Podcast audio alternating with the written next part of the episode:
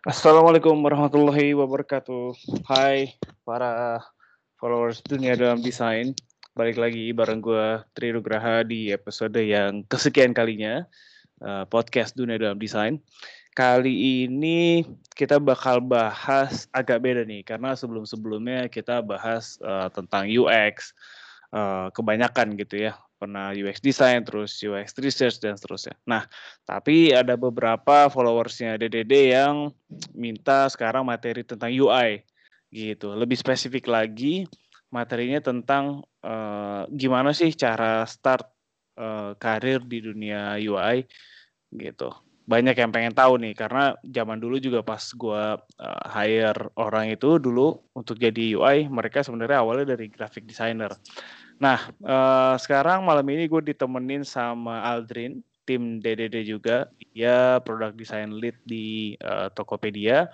Sebelumnya juga pernah jadi UI designer, makanya kita perlu tanya-tanya dengan beliau nih. Oke, okay? langsung aja kita sapa. Halo, Aldrin.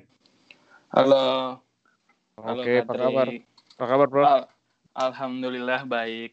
Ya, badan masih pegel-pegel. Kita habis yeah. desain camp kemarin. Yoi, seru banget ya. Iya iya iya iya. Uh, gimana nih kabarnya? Uh, ya biasa lah. Akhir tahun kerjaan di kantor menumpuk. Cuman ya masih kehandle lah. Sedap, sedap. nah, Ding, di huh? episode yang ke-9 ini nih, um, mm-hmm. kita kasih judulnya How to Transform into UI Designer. Nah, boleh cerita nggak sedikit nih tentang lo sendiri? Oke. Okay. Uh, jadi kalau tentang gue sendiri sebenarnya gue bukan dari graphic designer atau atau dari DKV sih sebenarnya ya. Jadi uh, gue dari perspektif gue yang dulunya dari IT sih sebenarnya. Oke. Okay. Uh, eh, kalau gue sih sebenarnya dulu kerjanya itu bukan bener-bener jadi UI sih, cuman lebih ke web designer di kantor pertama. Nah, di kantor pertama itu ya di sana belajar lumayan banyak sih dari uh, apa namanya mulai dari tools sampai uh, kayak basic-basicnya nge-UI gitu sih kak. Jadi kayak lebih uh, apa namanya dasar basic-basicnya banget lah.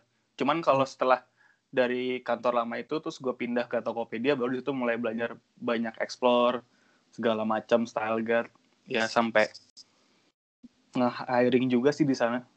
Gitu sih. Kalau role lu dulu pas masih jadi web designer boleh jelasin dikit gak ding?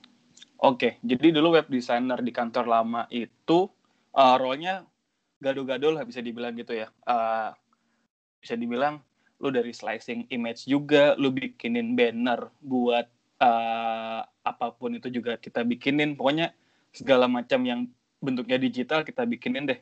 Sampai dulu tuh pernah ada uh, di kantor lama gua. Jadi kerjaan dari Jepang sana. Jadi dia uh, apa namanya?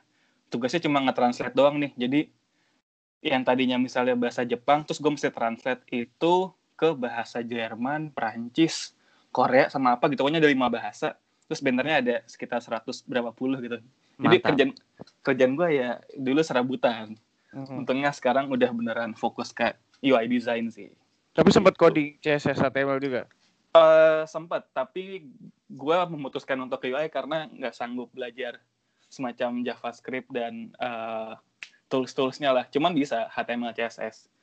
Kalau misalnya ngedit-ngedit uh, langsung dari web, misal dari kayak inspect element gitu, ngerti lah. Cuman kalau udah er error dikit ya ya udah minta tolong yang lain. Pas waktu itu lo udah denger terms UX atau lo baru saat itu baru denger UI aja apa gimana?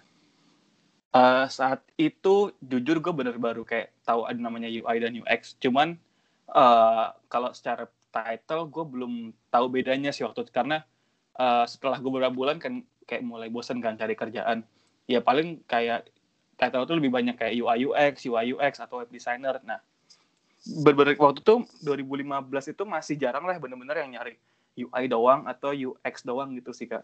Bar baru kayak banyaknya tuh ber UI UX designer atau web designer segala macam gitu sih.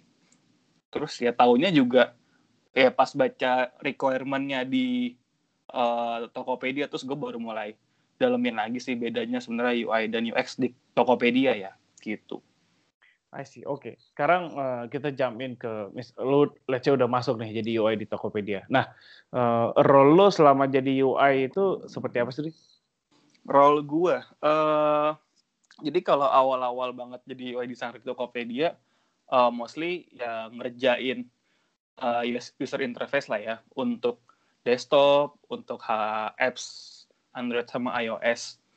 Terus uh, ya sehari-hari kesehariannya ya dapat requirement, gue mesti nge-UI apa itu biasanya dapat dari UX-nya. Gue dapat uh, wireframe output dari mereka, terus gue bikin jadi user interface lah.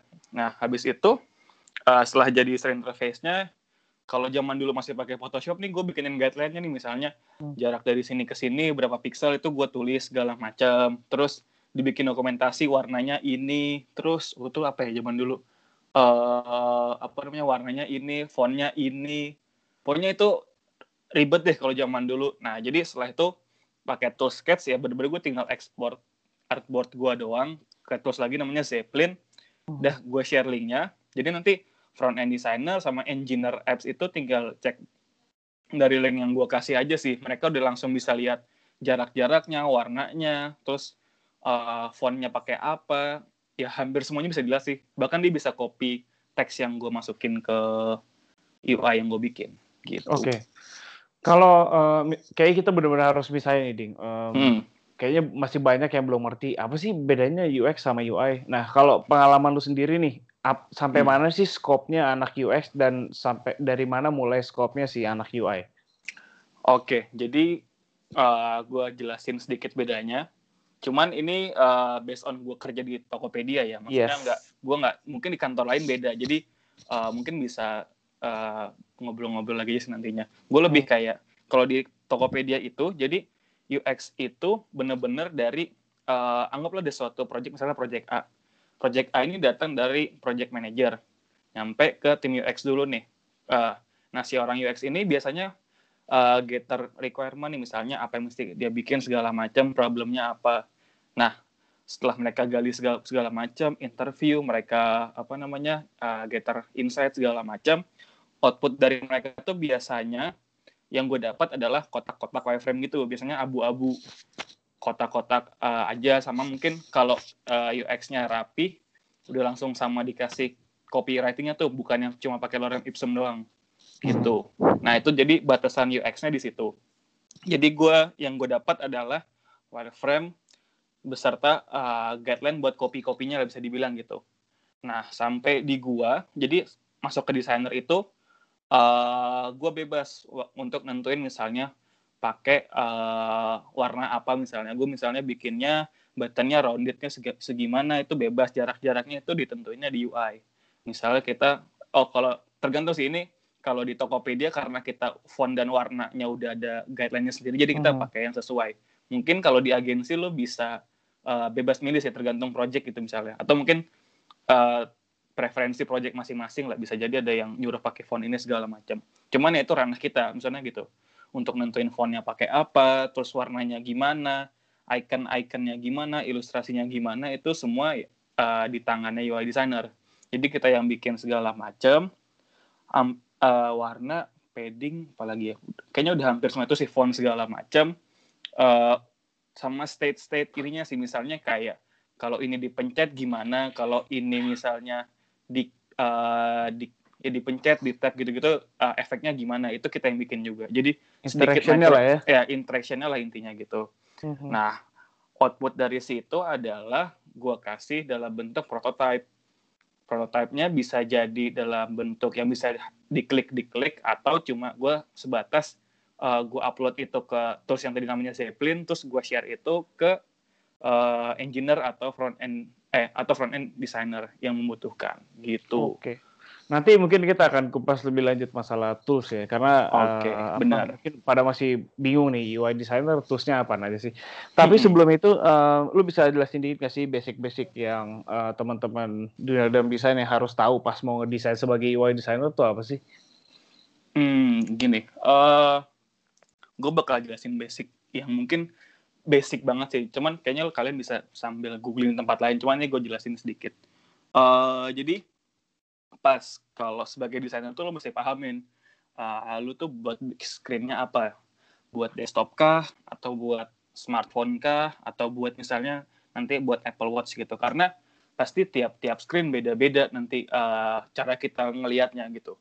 Misalnya ketika kita pakai desktop kita bisa main banyak elemen gitu misalnya. Tapi ketika kita mainnya di smartphone mungkin kita sedikit uh, sedikit warna mungkin bisa lebih baik untuk uh, apa nentuin fokusnya ke mana gitu. Hmm. Terus uh, sama ini kalau uh, yang gue sering lihat itu kebanyakan mereka uh, apa ya or, yang mungkin belum terlalu ngerti banget sama UI itu kadang bikin UI itu uh, tinggi sama lebarnya tuh nggak sesuai sama screen size-nya gitu sih. Jadi kalau menurut gue itu mesti cukup dicari tahu lah misalnya kalau untuk Android berapa kali berapa gitu misalnya. Uh, cuman sebenarnya kalau head uh, kalau tingginya bisa lebih panjang sih karena kan pasti kalau di HP kan scroll gitu. Ya. Yeah. Jadi lebih ke lihat ke apa namanya ke lebarnya sih gitu. Terus sekarang juga banyak kan ya, maksudnya orang bisa dengan gampangnya download kayak phone kit gitu ya, mau Android hmm. kayak mau iOS gitu. Iya, itu banyak banget sih, tinggal googling aja. Sebenarnya uh, sekarang tuh udah enak banget lo uh, buat bikin-bikin kayak gitu karena udah banyak tools-toolsnya. Zaman dulu gambar sendiri pakai Iya, bener. lu, itu di Photoshop tuh waduh neraka banget sih. Sekarang lu tinggal download, lu icon tinggal cari kalau males gitu ya. Wah, udah enak deh sebenarnya. Jadi buat lu mulai UI itu sebenarnya gampang, cuman lu tinggal perlu tahu basicnya aja sih. Nah, jadi tadi itu udah tahu tuh kita mesti cari tahu screen size-nya, kita mau bikin buat di mana. Terus kalau menurut gue yang kedua itu kita mesti tentuin stylenya sih. Itu berguna kalau pas mau bikin brand misalnya, brand logo misalnya. Kalau kita belum punya ya, misalnya kalau Tokopedia kan udah punya tuh. Hmm. Nah terus buat uh, tentuin lagi misalnya colorsnya gimana, kita mau pakai warna-warna yang uh, pastel-pastel atau warna yang uh, lebih ngejreng di mata gitu kan.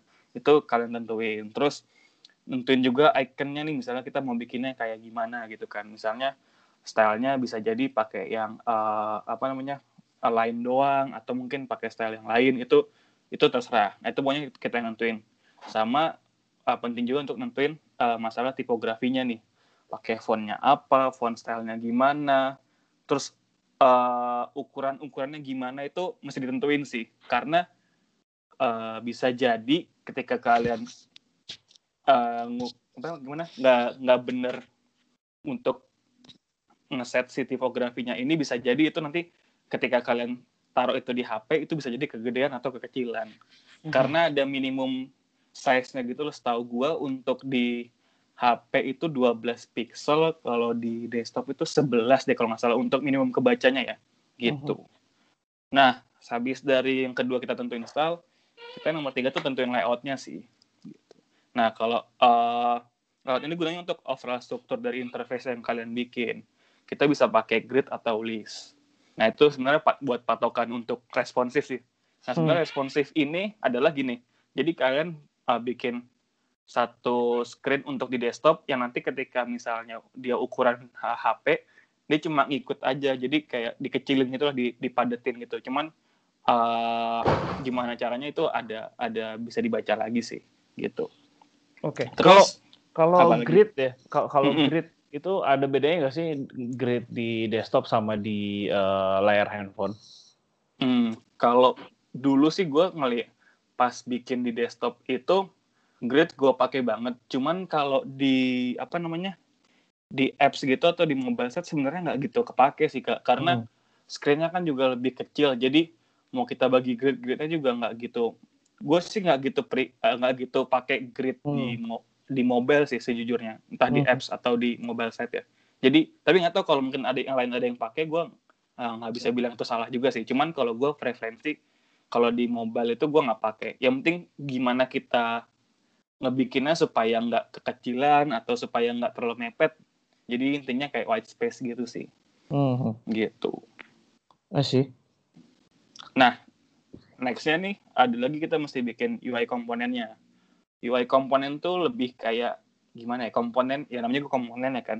Uh, itu seperti gini sih misalnya kalau yang uh, sering kalian lihat misalnya tuh kom komponen UI itu kayak button gitu misalnya. Misalnya hmm. buttonnya ada yang full screen misalnya gitu warnanya gimana itu terserah. Ada juga namanya header navigasi gitu misalnya yang kalau di iOS biasanya judulnya di tengah terus uh, backnya di kiri sama di kanannya mungkin ada tulisan apa. Terus kalau di Android biasanya uh, backnya di kiri terus teksnya tuh nem deket nempel sama button backnya itu namanya header navigasi gitu. Terus ada hmm. lagi menu-menu atau misalnya kayak uh, apa namanya uh, checkbox atau uh, radio button itu banyak sih. Jadi itu kalau misalnya mau tahu semuanya kalian googling aja sih misalnya UI component atau apa. Karena kalau gue jelasin semua di sini bakal banyak banget sih.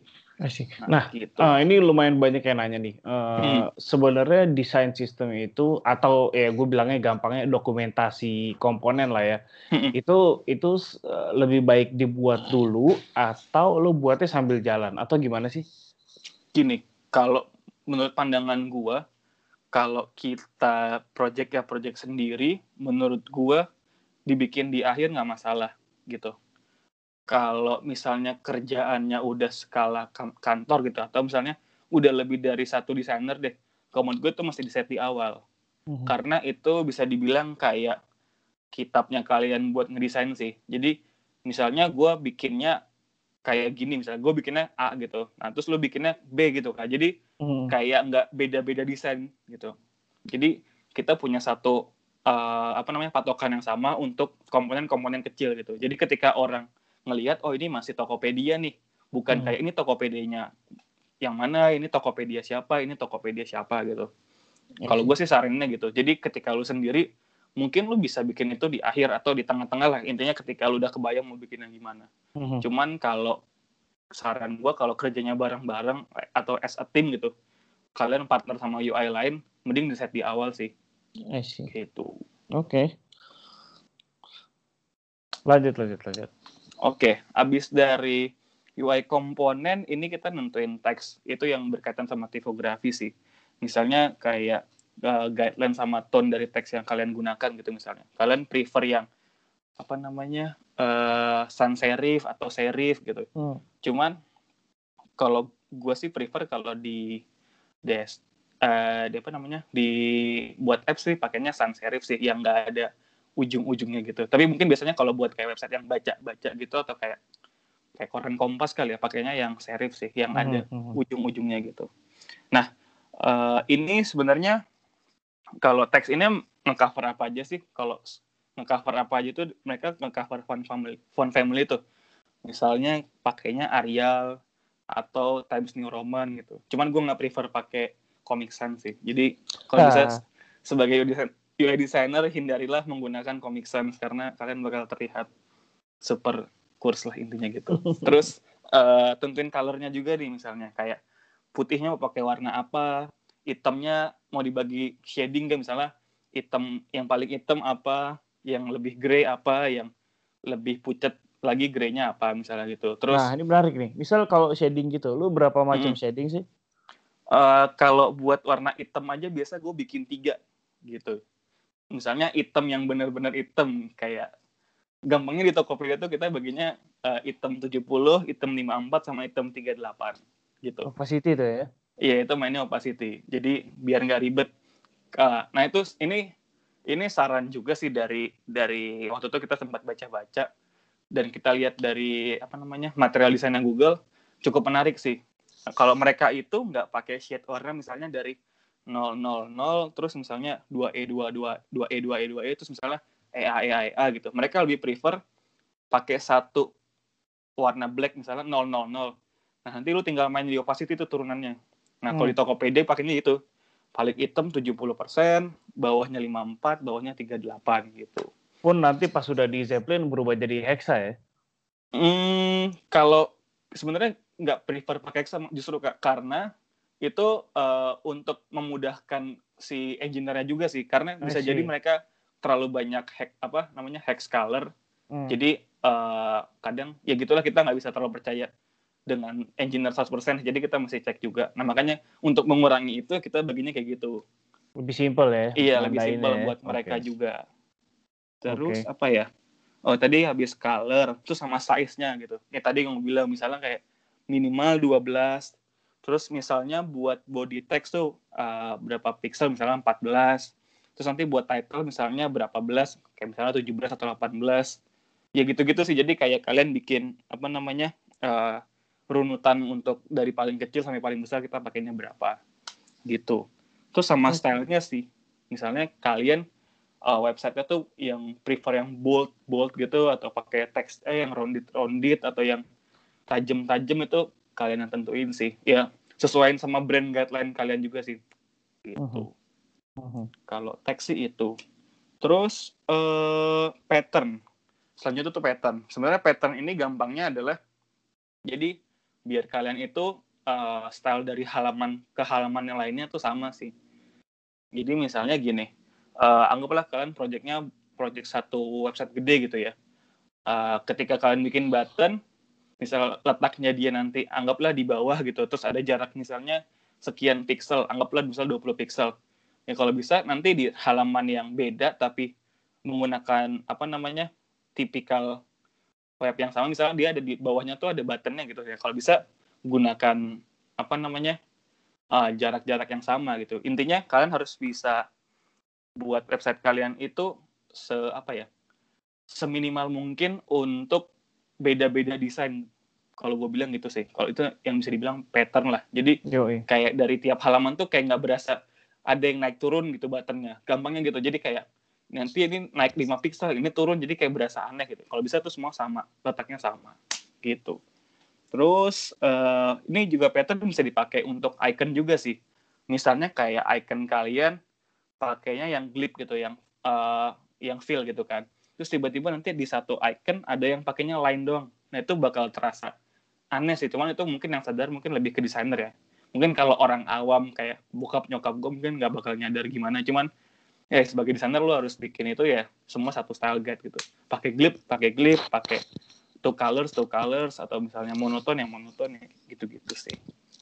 Nah okay. terus yang terakhir itu ada ke accessibility-nya sih. Sebenarnya ini kayak lebih ke interaction sama behavior-nya gimana. Terus mau kalian taruh mana nih misalnya uh, resource-nya misalnya kalau di tim Tokopedia sekarang kita ngerjainnya pakainya abstrak gitu. Jadi kerjainnya online kayak semacam version kontrolnya gitulah.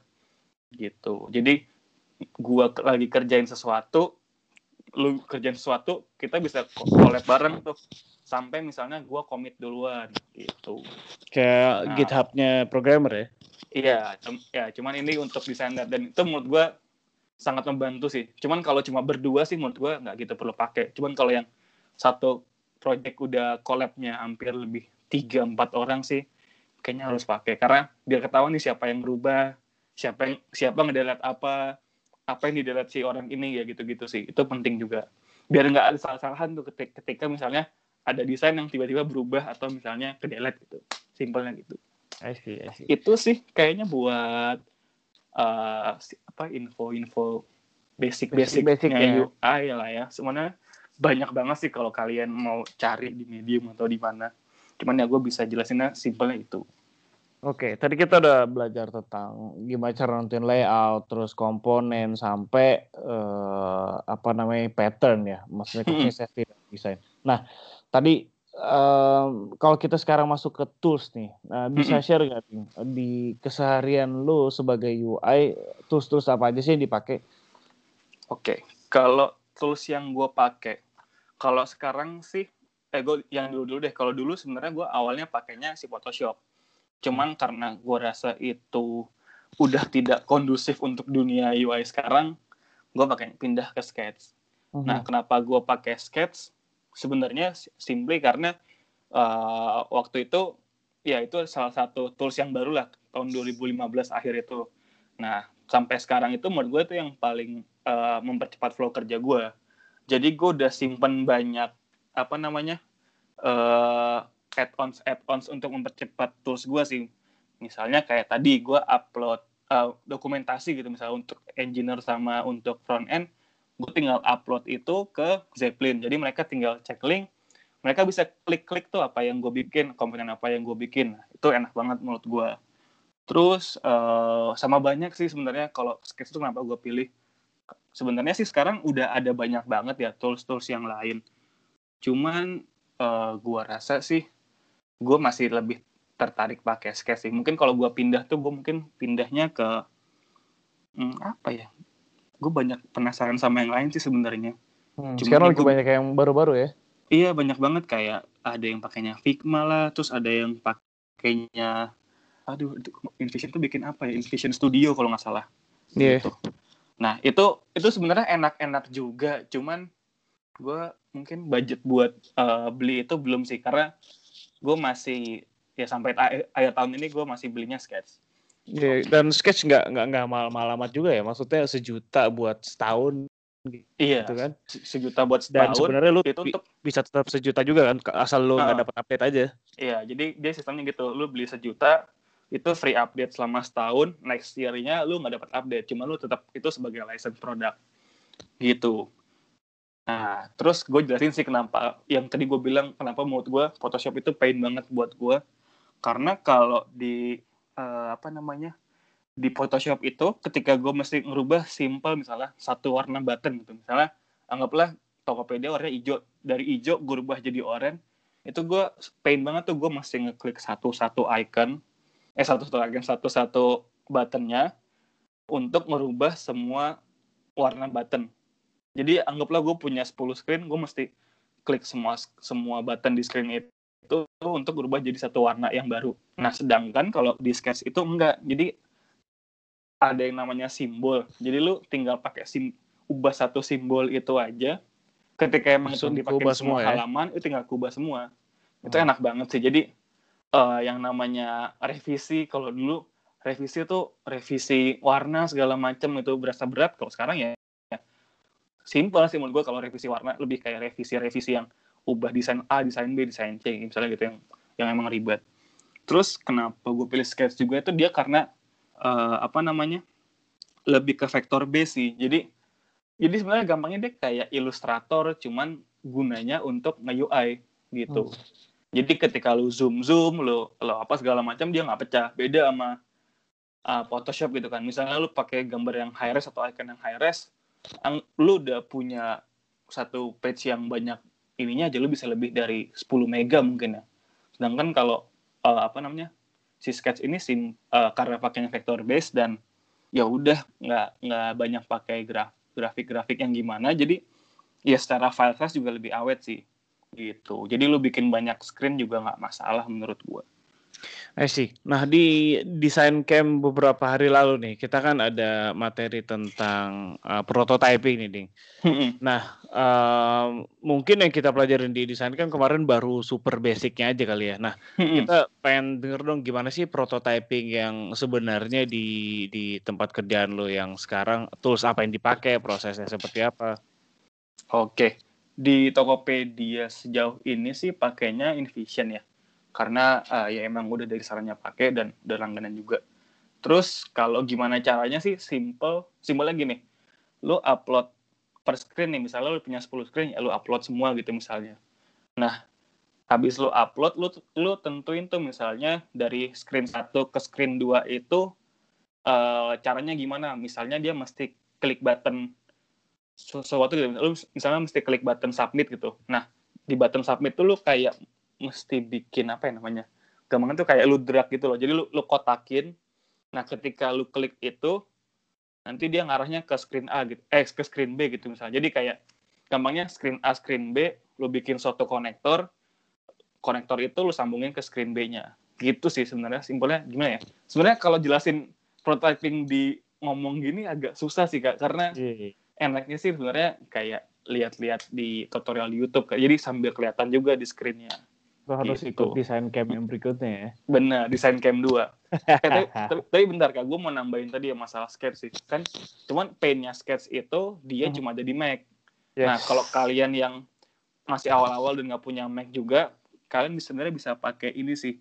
Eh, apa namanya? Pakai Figma itu sih. Eh, dia web dia karena web based jadi kalian yang pengguna Windows tuh masih bisa pakai itu Nah sih. Gitu. Atau Adobe XD kali ya? Iya, Adobe XD juga bisa pakai itu sih. Dan setahu gue sih itu sejauh ini gratis. Tapi gue uh, ya kurang suka lah intinya. See. Ya, ya lebih ke sketch. uh, inilah lebih ke sketch lah. Gue nggak suka yang lain. Bu- bukan nggak mau nggak mau pindah sih, cuman enak aja gitu. Males Iya. belajarnya lagi. Iya, orang kalau udah nyoba Mac kayaknya nggak mau balik lagi gitu. Eh, setuju. Ya, makanya sih. Ya, makanya Em, Apa? kan eh, apa namanya uh, iyo semuanya ya menurut gue semua hal tuh perlu uh, jam terbang gitu ya buat ngasah uh, skill. Nah kalau di UI nih gimana sih cara kita tahu uh, desain mana nih yang bagus? Terus gimana caranya kita uh, latihan buat ngejar oh desain gue bisa nih sebagus itu gitu? Butuh berapa lama sih atau susah banget apa gimana? Hmm, kalau berapa lamanya gue nggak bisa bilang. Waktu misalnya kayak oh lu setahun lu udah pasti desain lu bagus tuh. Sebenarnya enggak juga. Jadi waktunya itu semua tergantung dari kalian seberapa banyak latihan sih. Semakin banyak kalian latihan semakin banyak kalian apa namanya lihat-lihat uh, apa namanya lihat-lihat ke referensi lah gitu. Gampangnya lihat dribble. Nah itu kalian ya bakal secara nggak langsung bakal terasa tuh misalnya intuisi kalian nih oh misalnya desain kalian ini jelek atau misalnya desain A sama desain B lebih, lebih better mana? Gitu. Jadi gampangnya adalah tadi udah gue jelasin nih misalnya toolsnya apa udah jelasin introduction nya gimana. Cuman kalau kalian gak latihan ya sama aja gitu loh. Nah latihannya gimana? Gam gampangnya sebenarnya bisa gini sih. Misalnya kalian lihat website mana yang menurut kalian jelek terus kalian revamp kalian bikin new design untuk itu. Gampangnya mungkin kalian bisa uh, bikin dari aplikasi suatu bank lah gitu kan. Itu halamannya kan uh, webnya kan kurang bagusnya kebangetan tuh. Ya kalian bisa aja revamp halaman itu jadi lebih bagus gitu. Banknya nggak boleh gue sebut. Ntar nggak enak nanti dimarahin. Nah misal terus kalau misal, gue ketemu website bank yang kurs nih. Nah mm-hmm. gue sebagai UI designer langkah-langkah apa sih yang harus gue lakuin untuk uh, ngedesain supaya UI-nya lebih bagus? Gue cari referensi gue ke mana atau dan seterusnya? Hmm, kalau cari kalau langkah pertama biasanya uh, tentuin dulu tuh misalnya apa yang mau kalian uh, ubah misalnya gitu kan. Apakah cuma sekedar ikonnya doang gitu atau misalnya semuanya kalian rubah gitu ya. Terus habis itu uh, kalau gue sih biasanya lihat-lihat referensi gitu ya. Uh, kalau misalnya referensi gue harian sih biasanya kayak lihatnya di dribble gitu. Dribble tuh lebih banyak kayak komponen-komponen kecilnya lah misalnya icon segala macam itu yang oke-oke gimana atau UI komponennya. Nah cuman kalau yang gede-gedenya itu kayak udah satu web gitu gue biasanya lihatnya di web, di landbook gitu itu juga gue dapet dari Kak Angga tuh yang ngisi podcast kedua ya kalau nggak salah. Apa? Nah, apa let, let book? Landbook L A N D B O O K okay. gitu. Nah itu mood gue lumayan oke okay sih. Jadi kalau kalian lihat awards nih yang AWWW awards itu itu desainnya bagus. Cuman menurut gue nggak masuk akal untuk dikerjain gitu loh. Yeah. Maksudnya ketika Kadang lu kasih itu itu kayak kayak lukisan abstrak ya. Iya, jadi ketika lu kasih itu ke engineer itu kayak nggak nge-solve apa-apa kayak lu ngapain bikin ginian sih? Ya bagus gitu sebenarnya. Cuman ya uh, menurut gua itu agak nggak relevan sama kerjaan UI yang sejujurnya sih. Misalnya yang ketika lu di kerjaan atau di mana gitu ya. Nyeni banget ya. Iya itu udah mungkin kayak, kalau buat website pribadi lu oke okay lah nah, terserah. nah itu oke okay banget kalau bisa bikin yang super animated kayak gitu. Cuman kalau kayaknya misalnya kayak standar-standar kantor sekarang gitu anggapannya gitu kan kayaknya yang gitu-gitu nggak begitu banyak dipakai deh. Mungkin lebih kayak ngomongin UX-nya atau UI-nya yang simple yang segala macam yang nggak nggak ngeribetin gitu gitu. Uh-huh. Nah, terus itu kan tadi lu bisa misalnya kalau ketemu case yang websitenya jelek gitu kan. Atau misalnya kalian bingung banget nih, nggak tahu website mana yang jelek, website mana yang bagus gitu kan. Kalian sebenarnya bisa, uh, ah, gue pernah ikutan ini sih, namanya di webnya namanya Daily UI. Jadi Google-nya itu daily, terus U sama I gitu Nah, hmm. kalian tinggal masuk aja ke websitenya, terus register tuh, jadi masukin email kalian. Nah, nanti itu kayak kalian bakal tersubscribe secara nggak langsung untuk dapetin uh, uh, apa UI UI challenge gitulah. Jadi kalau gue tuh kalau nggak salah hari pertama itu gue dikirimin email untuk ngerjain uh, halaman login sama login atau register bebas. Nah itu tuh jadi nanti tiap hari tuh kalian bakal dapat gituan tuh Nah itu menurut gue kalau kalian uh, niat banget benar-benar sehari bisa ngarin satu, anggaplah kalian udah benar-benar selesai sama semuanya. Berarti kalian 100 hari itu punya 100 desain yang siap kalian upload ke portofolio kalian. Dan menurut gue itu keren banget. Nah cuman hmm. karena waktu itu nggak memadai karena ya sambil kerja gitu kan. Terus ide kadang mentok di mana, mentok di sini ya akhirnya gue cuma kerjain sampai 5 atau berapa episode gitu di sana. Cuman menurut gue kalau emang lu niat banget dan lagi nggak kerja atau gimana dan modal main UI bisa daftar ke sana sih. Gitu. Oke okay, nah, oke. Okay. terus kayak udah misalnya udah dengerin misalnya udah lihat referensi udah uh, segala macem yang paling penting terakhir ya tetap latihan. Seberapa banyak kalian latihan gitu. Kalau kalian udah puas sama satu desain yang kalian bikin aja terus kalian berbangga diri menurut gue bahaya sih. Tetap mesti dilatih terus gitu loh. Jadi ya sama kayak pisau kayak gitu kan. Kalau lu nggak pakai pisau nggak lu asah terus ya tumpul uh, lama kelamaan gitu. Jadi ya menurut gue tetap latihan paling penting sih. Oke okay, oke. Okay. ya, intinya gitu. Oke okay, ding. Thank you. Uh, mungkin mm -hmm. kita jadi sebelum kita rekaman ini gue sempat nanya ke followers DDD gitu kan. Uh, ada yang mau lu tanyain gak nih tentang UI gitu. Jadi gue kasih polling question gitu loh. Nah kita bahas beberapa ya ding ya oke okay. oke okay. uh, mungkin yang agak ini dulu nih standar dan uh, apa namanya sedikit OOT mengapa mm -hmm. banyak UI designer yang cenderung pakai Mac daripada Windows aduh itu gimana ya kayak hey, coba jawab dari hati dah gue juga pengen tahu dari hati sebenarnya gini uh, karena awalnya Mac itu yang support Sketch gitu. Jadi gue kelama lama kelamaan gue pakai itu MacBook. Nah bukan berarti gue nggak mau balik ke Windows gitu. Gue sempet kayak ah gue mau ini ah mau upgrade laptop gue di rumah gitu. Pas gue pakai kayak gue nggak sama sekali nggak ngerti gitu kayak gue mesti ke mana gitu ya. Kalau di Mac itu semua udah enak banget lah. Intinya lu kayak udah nemuin istri idaman yang gimana lu udah nggak bakal mau lihat yang lain lah intinya gitu karena karena sebenarnya bukan masalah ini juga ya bukan masalah brand atau apanya karena iya. menurut gua Mac performance-nya jauh sih. iya iya satu itu experience sih, terus dua hmm. performance juga kayaknya jauh di atas Windows ya iya kalau Windows kan lu masih uh, perlu khawatir tentang virus dan lain-lain. Iya, benar, setuju. Ini di sini lu nggak ada gitu ya. Iya, benar-benar tinggal beli, pakai, udah gitu doang gitu. Gampang, gampang, gampang banget lah. Maksudnya kalau buat belajar awal-awal ya pasti misalnya belajar gitu kan. Cara kliknya gimana segala macam. Cuman kalau udah nyam, ya udah pakai lah tiga bulan lu nggak bakal mau balik lagi sih. Oke, okay. gitu. nah berikutnya oh, nih. Sama ini sih kak, satu iya, lagi kalau iya, kalau UI itu layarnya sih kalau MacBook tuh entah kenapa layarnya bagus banget. Maksud gue, iya dibandingin sama yang lain lah gitu ya. Misalnya, kalau kalaupun emang harganya sama dibandingin, menurut gue, gue entah kenapa lebih suka MacBook juga sih. Kayak nggak tahu ya, itu di, si Apple itu kalau bikin suatu layarnya tuh selalu bagus kayak iPhone, terus MacBook lah itu kayak ya udahlah. Rasanya beda ya? Iya beda. Cuman emang mahal aja sih. Ya kalau misalnya itu cari aja yang second second lah. Nabung lah ya. Iya, Freelance gitu. tiga kali dapet lah ya. Iya. Ya intinya kalian mau apa enggak gitu. Nah. Kalau kalian mau berusaha lah. Kalau enggak ya ya udah pakai yang ada dulu aja. Nyambung gitu. nih, nyambung ke pertanyaan berikutnya. Gimana sih e, cara bikin portfolio? Karena katanya banyak nih HR-HR yang nanya, eh, portfolionya mana? Lu ngelamar UI, portfolio lu mana gitu. Nah, e, mungkin pertanyaannya lu sebagai recruiter gitu kan, kan lu hmm. nge-hiring juga. Portfolio seperti apa sih yang lu lihat? Apakah dari uh, jumlahnya dia udah bikin 200 atau kualitasnya atau gimana? Hmm, kalau gua sih lebih ke quality sih dari quantity ya. Gua tetap lihat misalnya gini, uh, bakal better kalau dia masukin tahun-tahun di mana project itu dikerjakan gitu. Jadi misalnya gini, dia punya uh, 10 UI yang uh, ditampilkan gitu. Misalnya dia masukin 10 kerjaan dia ke portofolio dia gitu. Nah, tapi pas dilihat ternyata itu uh, style-style tahun dua tahun lalu atau mungkin bahkan tiga tahun lalu gitu. Nah, menurut gue, gue agak kurang bakal gue nggak bakal tertarik lah intinya gitu sama itu orang. Kalau isinya cuma itu doang.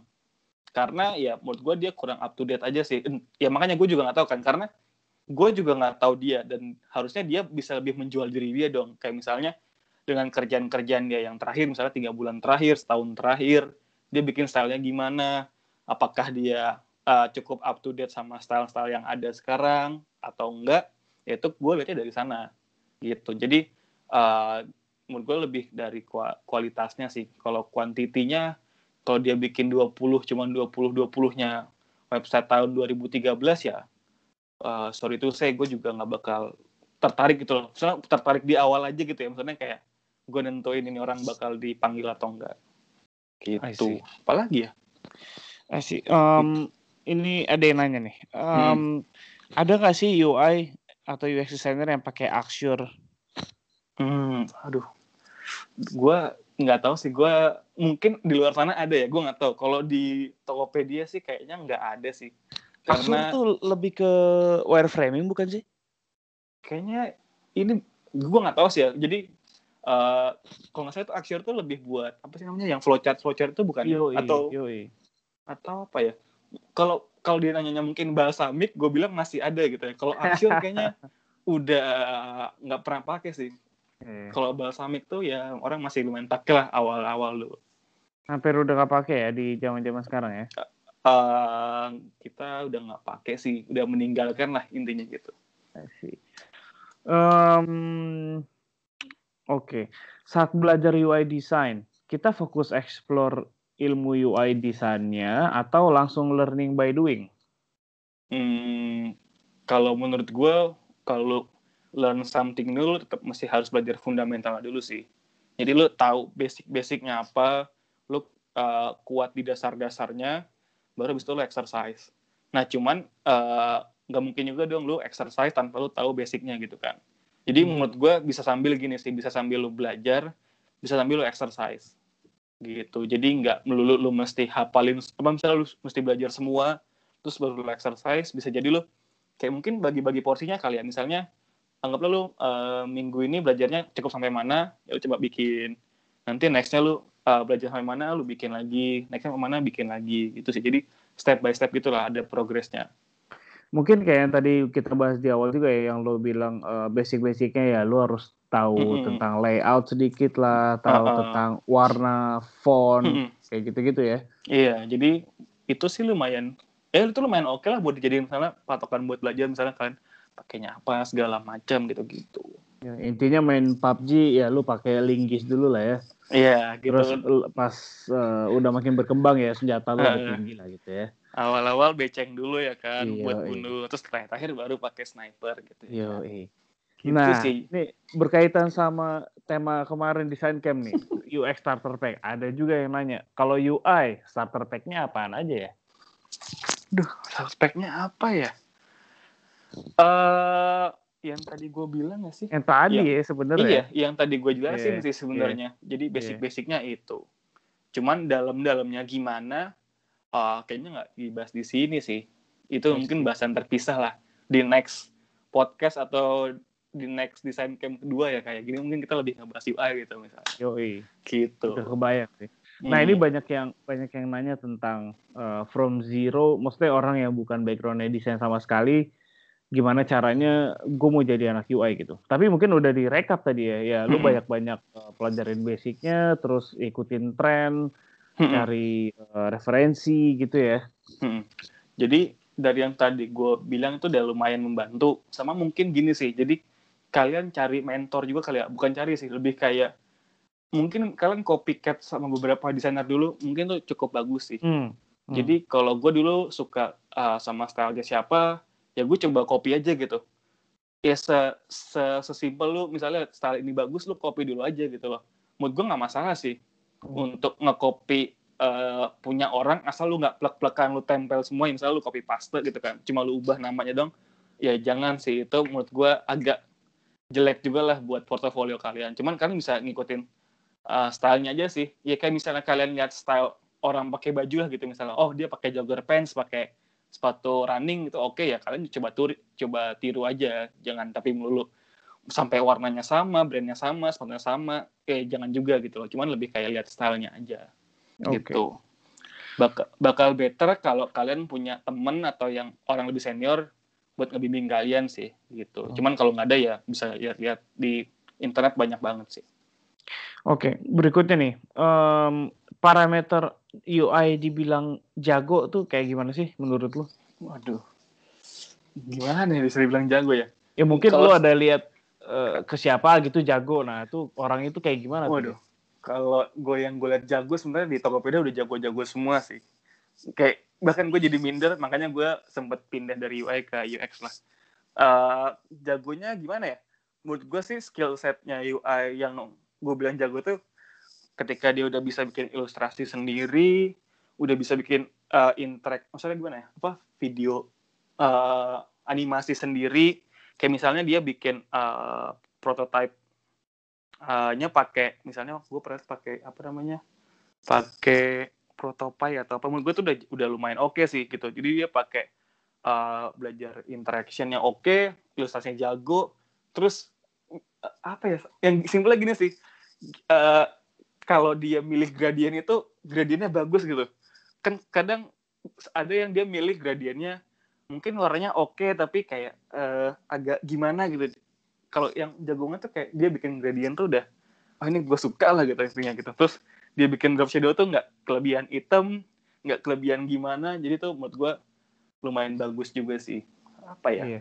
patokan Dan bagus. menurut gue emang emang emang apa ya susah dijelasin sih. Karena iya. uh, apa ya pas lo udah ya udah mulai apa namanya berpengalaman satu dua tiga tahun lo bakal hmm. bisa lihat nih kayak lo yeah, bakal bisa ngerasain bener. ah ini nih bagus nih desainnya hmm. gitu ya itu sebenarnya kumpulan dari semuanya mau dari warnanya lah white hmm. space-nya lah pemilihan fontnya lah layout dan seterusnya jadi hmm. sebenarnya kombinasi dari semua itu sih kayaknya iya mood gue itu sih terus sama ya apa ya gimana cara dia present aja sih misalnya kalau di dribble tuh gue suka misalnya lihat kayak gimana mereka ngejelasinnya apa yang mereka ubah segala macam kayak misalnya gampangnya logo atau icon gitu kenapa konsepnya begini terus mereka jelasin kalau itu ngena ya menurut gue tuh dia jago gitu. Hmm. kadang ada orang cuma oh bikin icon tapi nggak ada maknanya ya udah ya ini bagus mungkin atau dia niru siapa gitu kan gitu. sama sama mungkin beberapa atau satu atau dua tahun terakhir kali ya yang apa zaman zamannya micro interaction kali ya. Mungkin mm -hmm itu juga kalau bagi gue pribadi salah satu parameter sih. Jadi uh, lo UI tapi lo bisa micro interaction, wah lo keren sih menurut gue. Hmm. Gitu. Biasanya sih bentuknya GIF, GIF gitu ya, atau GIF okay. atau video.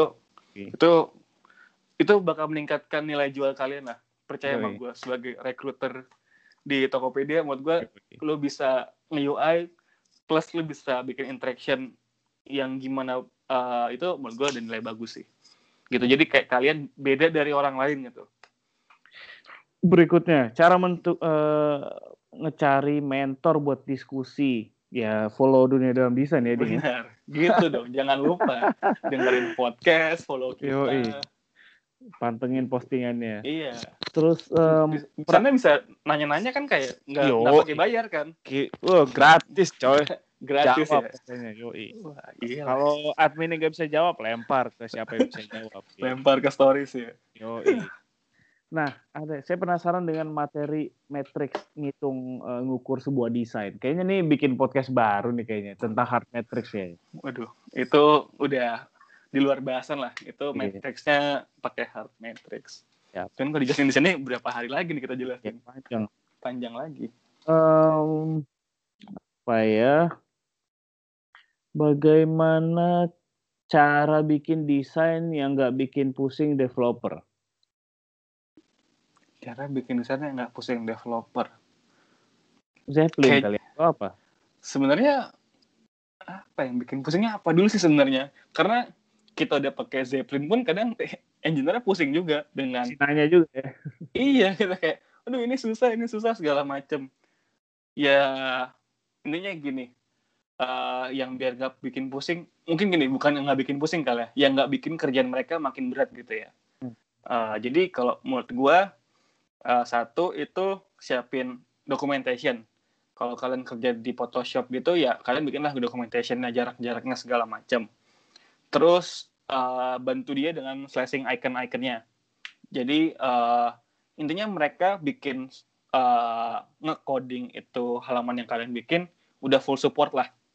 Terus kalau misalnya mereka males misalnya pakai Photoshop gitu kan kalian siapin aja misalnya satu docs isinya teks-teks yang bakal di uh, bakal di compile itu misalnya buat ditampilkan di sana. Jadi ya menurut gue tuh mungkin nggak bikin pusing mereka sih, mungkin lebih membantu meringankan kerjaan mereka gitu Soalnya kalau bikin pusing gimana ya? Uh, patokannya pusingnya apa dulu gitu karena ya agak agak bingung sih gue misalnya pusingnya karena apa juga gitu kan mungkin kayak tadi juga ya maksudnya jangan bikin selebay aww awards juga kali gitu ya. iya itu juga bisa juga kayak ya interactionnya yang standar-standar aja bukan standar ya gimana ya yang sewajarnya gitu loh bukan yang tiba-tiba wah pas diklik flip segala macam oh. muter-muter screennya atau gimana gimana ya Balik jangan gitulah ya. iya yeah. jangan terlalu intinya jangan terlalu berlebihan lah yang pas-pas oh. aja. Gitu. Berikutnya nih, uh, dua terakhir nih. Uh, hmm. Di tempat lo sekarang posisi duduk posisi duduknya gimana sih? Uh, dekat dengan tim lain apa ngumpulnya sama anak UI doang apa gimana?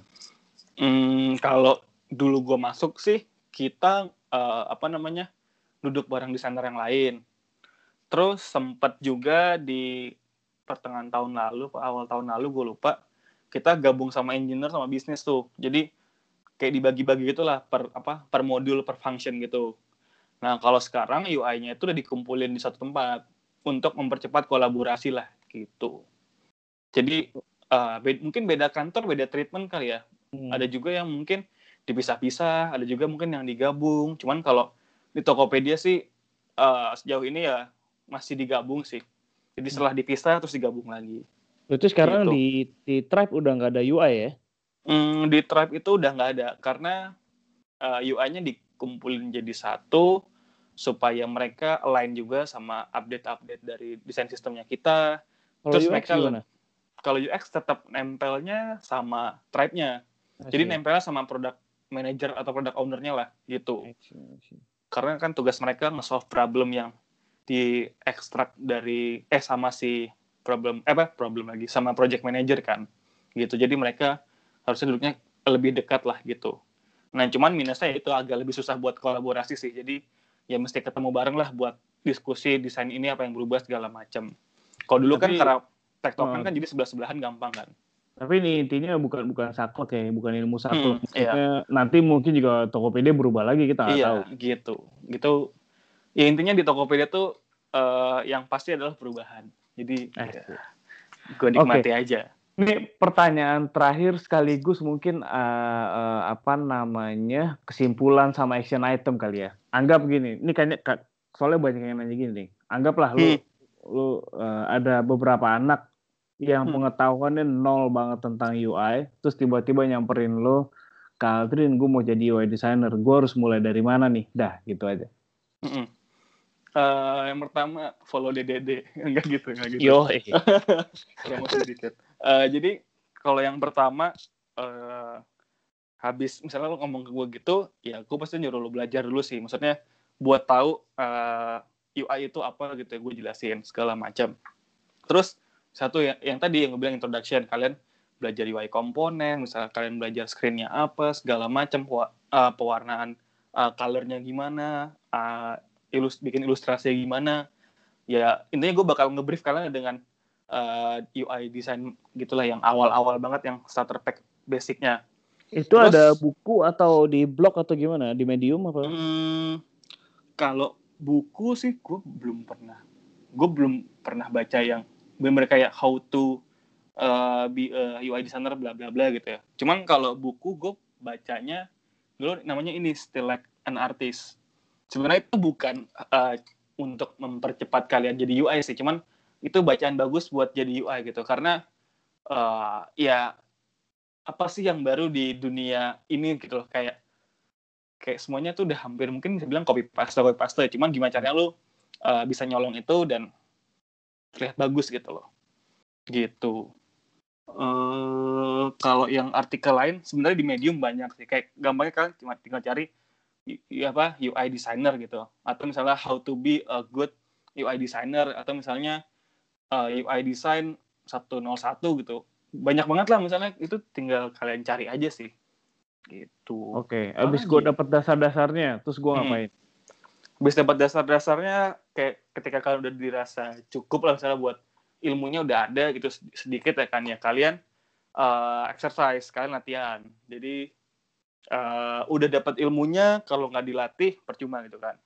Perbanyak latihan, terus kalau bisa kalian minta feedback ke desainer lain gitu. Mungkin ada teman kalian atau mungkin sesimpel kayak mungkin pacar kalau punya ya kan istri kalau udah ada atau mungkin ke nyokapnya gitu ke nyokap. Misalnya mah ini uh, bikin gini nih bagus nggak? Gitu. Ya kalau misalnya dia bilang nggak bagus ya jangan kecil hati mungkin karena dia nggak ngerti desain gitu. Cuman mungkin kalian bisa tanya ke teman-teman kali ya. Kayak ini bagus apa enggak terus misalnya kira-kira apa nih mesti gue improve lagi misal ada yang ngerti mungkin dia bilang oh warnanya ini terlalu ngejreng ya udah kalian belajar lagi kalian latihan lagi hmm. gitu sih jadi udah makin banyak latihan gue yakin semakin banyak jam terbang kalian semakin meningkat juga lah skill skill setnya kalian gitu di UI. UI. Jam terbang penting ya. Iya, karena uh, apa ya? Udah pasti sih maksudnya di semua di semua bidang semakin sering lu latihan ya semakin jago lu gitu loh. Ya yang yang ngebedain kalian dengan yang lain ya lebih ke gimana kalian berlatihnya itu sih. Misalnya gitu. Mungkin dia tiap hari udah latihan uh, misalnya kalian bareng-bareng nih belajarnya bareng tapi ternyata oh kok desain dia lebih bagus bisa jadi dia emang ya tiap hari ngerjain sesuatu gitu loh entah dia bikin icon bikin ilustrasi atau bikin uh, tampilan UI yang gimana itu bisa jadi sih ya cuman kalian jangan kecil hati sih mungkin mungkin kayak saat ini kalian belum bisa tapi ya kalau kalian nggak mulai ya kapan kalian bisanya gitu loh ya pertama belajar cari-cari tahu UI desain itu apa dengar-dengar podcast kita, dengar yang lain juga boleh, banyak banget sih materinya. Banyak nanya Terus, juga ya. Iya, intinya gitu, banyak nanya. Intinya ya itu sih, karena kan mungkin nggak ada kuliahnya kan yang kayak namanya UI design. Hmm. Mungkin ada DKV, ada kalau nggak salah tentang web design. Cuman yang satu apa namanya uh, bener ngomongin tentang UI design atau UX design tuh kayaknya di Indonesia tuh nggak ada. Jadi menurut gue tetap harus cari bukan harus cari mungkin lebih kayak kalian cari-cari mentornya lah atau cari-cari hmm. praktisi-praktisi yang kalian rasa itu uh, cocok buat kalian gitu ini yang kemarin kita highlight juga di desain camp sih lo sebagai desainer mesti berani speak up speak up juga uh, bisa juga tentang lo explore komunitas misalnya lo hmm, masuk ke Facebook bener. group atau lo iya. uh, cari invitation dribble lo di sana cuap-cuap atau lo nulis artikel medium jadi sebenarnya uh, bentuk speak up tuh banyak banget. Nah, di hmm. situ biasanya lu bisa dapet feedback tuh dari orang-orang hmm. banyak. Jadi lu bisa tahu nih gap uh, skill lu ada di mana gitu. Iya. Itu sih. Oke. Okay. Sip, Ding. Uh, thank you. Mungkin ada pesan-pesan terakhir atau penutup atau mm, apa ya? Uh, kayaknya sih ya gua rangkum aja. Intinya ya tadi uh, kalau kalian mau belajar UI carilah materi yang benar gitu loh. Carilah orang yang bisa kal yang bisa lo jadiin patokan buat pertama gitu ya. Terus sering-sering lihat tren yang ada sekarang sama tetap latihan sih biar skill kalian keasah gitu. Sip, ada lagi ada lagi nggak udah nih udah pertanyaannya udah habis oke ya udah habis ya kurang-kurang ya seperti itulah pertanyaan sip thank you banget ding oke thank you juga kak Yes, uh, semoga kita bisa bertemu lagi di uh, materi-materi berikutnya. Mungkin sip, sip, kalau sip. udah pada jago tentang basic, kita bisa perdalam lagi. Mungkin bahas spesifik di hmm. toolsnya kah atau prototyping dan seterusnya. Kak, Oke, Ding. Boleh, uh, boleh nambahin nggak terakhir? Yes, yes. ketinggalan. Jadi yang tadi gue share itu bukan 100% benar ya. Itu dari perspektif gue. Uh, jadi ya, sejauh ini gue ngayu uh, jadi UI designer gimana, itu yang gue sharing. Jadi kalau misalnya nanti ada salah-salah atau mungkin beda dengan yang lain ya menurut gue itu ya bebas aja jadi yang enggak jadi jangan kalian anggap omongan gue tuh 100% benar juga jadi bisa jadi orang yang beda atau gimana atau mungkin gue salah juga jadi ya ini dari sudut pandang gue aja sih gitu. Betul. justru para pendengar mesti uh, cari referensi sebanyak-banyaknya ya biar mm -hmm, benar. Uh, yang mana nih yang oke okay, yang mana yang kurang oke. Okay misalnya satu dari eh, apa ya, lima dari sepuluh ekspor bilang oh berarti ini udah bener nih. Iya benar. Gitu sih intinya. Ya ini salah satu yang gue bahas aja. Yang kan banyak yang lain di luar sana. Di sana di sana dari Google Traveloka mungkin buka lapak saja gitu oke okay, Ding thank hmm. you very much oke okay. uh, thank you kak thank you atas waktunya mudah-mudahan bermanfaat buat uh, pendengar oke okay. thank you Ding assalamualaikum Yo. Waalaikumsalam. Thank you Kak. Bye. Bye. Oke okay, guys, uh, itu obrolan gue bersama Aldrin. Uh, mudah-mudahan bermanfaat. Cukup panjang ya. Jadi uh, buat yang pengen serius di dunia UI, bisa dengerin podcast ini. Kalau belum ngerti, lo puter lagi, lo ulang dari awal. Um, Oke, okay, gitu aja. Uh, tetap dengerin podcast dunia dalam desain di Anchor, di iTunes, di Google, di mana pun tersedia. Sama jangan pula jangan lupa follow uh, Instagramnya dunia at dunia dalam desain. Oke, okay. uh, this is signing out. See you uh, when I see you. Oke, okay? bye bye. Assalamualaikum warahmatullahi wabarakatuh.